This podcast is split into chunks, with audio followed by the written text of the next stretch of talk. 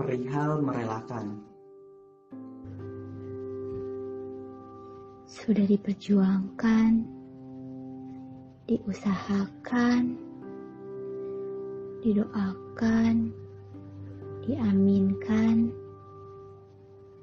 namun tetap tidak didapatkan.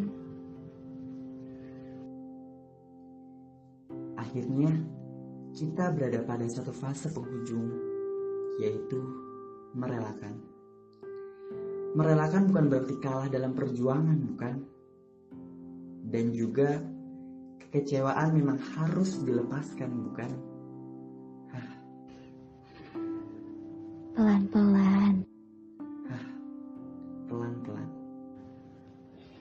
Tidak semua definisi kuat adalah bertahan.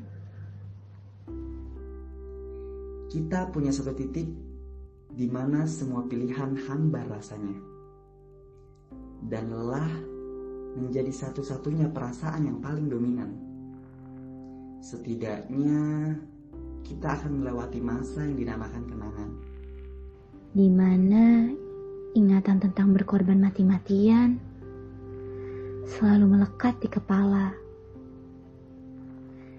Entah apa objek yang diperjuangkan, entah siapa orangnya, dan entah apa pilihannya. Relakanlah, ikhlaskanlah. Ikhlaskanlah. Kita berhak bahagia untuk semua yang tidak bisa datang kepada kita. Lepaskanlah. Lepaskanlah. Relakanlah, beristirahatlah dari semua pilihanmu yang salah, serta semua hal yang membuatmu gelisah.